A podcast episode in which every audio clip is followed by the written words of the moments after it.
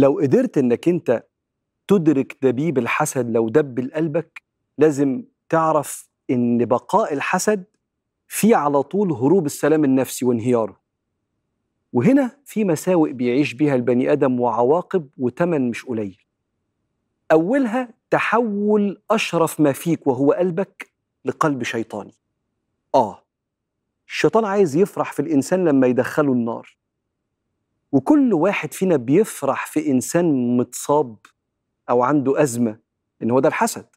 ما الحسد هو تمني زوال النعمة. مش مبسوط وأنت النعمة دي في إيدك. فلما راحت منك أنا حسيت بشيء من السكينة كده إن إحنا بقينا زي بعض. هذا قلب شيطاني. ورابيكا كوناندك أحد الكتاب عندها كتاب اسمه الرذيلة المتلألئة. إيه الرذيلة المتلألئة دي؟ الرذيلة بتلمع. أيوه. بتقول فيها إن من أسباب الاضطراب الحسد لما تيجي النعمة في إيد واحد تتضايق فتبقى مضطرب تحس بالفشل هو عنده وأنا ما عنديش سبقتني واتجوزت وفتح شركة وأنا مش عارف مرتبه زاد غير عربيته أي شايفه بيضحك مع عياله ولا مع مراته وهو ماشي وأنا مش عارف أعمل كده فأنا متضايق اضطراب. قال لك وشماتة أو قالت لك شماتة وفرحة إذا أصيب.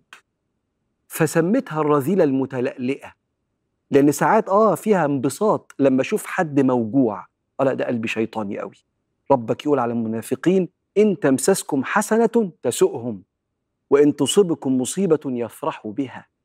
أنت ما ترضاش على فكرة إن قلبك يبقى كده وده أغلى ما فيك. يوم لا ينفع مال ولا بنون إلا من أتى الله بقلب سليم. الشيء السيء الثاني اللي بيصيب الإنسان الحسود وبيطرد السلام النفسي هو طول الحزن. أيوه الحسود بيتضايق كتير. لأن ربنا كريم ورزقه واسع على الناس. هو مش شايف كرم ربنا عليه. هو منشغل دائما بالمفقود. وعلى فكرة هو أنا عندي نعم كتيرة وفي نعم كتيرة في إيد الناس مش عندي لحكمة ربنا وحسن رعايته لاحتياجاتي. وبيحميني من اللي يأذيني. فأنا لو منشغل بالمفقود أنا هحزن كتير. لأن خير ربنا كتير في إيد الناس. وكان أبو الليث السمرقندي يقول كده. خمس مساوئ تصيب الحسود قبل أن تصل إلى الحاسد. غم لا ينقطع بسبب رؤية نعمة ربنا في إيد الناس. ومصيبة لا يؤجر عليها حزن ما فيهوش أجر. وسخط للرب. ومذمة لا يحمد عليها. صفة يعني الناس ما بتطقش صفة الحسد دي. ثم الأخيرة يحرم التوفيق. لأن التوفيق بيجي من الأمل والأخذ بالأسباب والاعتماد على ربنا. والحسد بيطرد السلام النفسي اللي بيسمح للبني آدم إنه يثق في ربنا ويعتمد على ربنا. أقول لك على حاجة تالتة كمان الحسود بيغتاب كتير. ليه؟ لأن اللي بيغتاب أصلا منشغل بالناس مش منشغل بنفسه.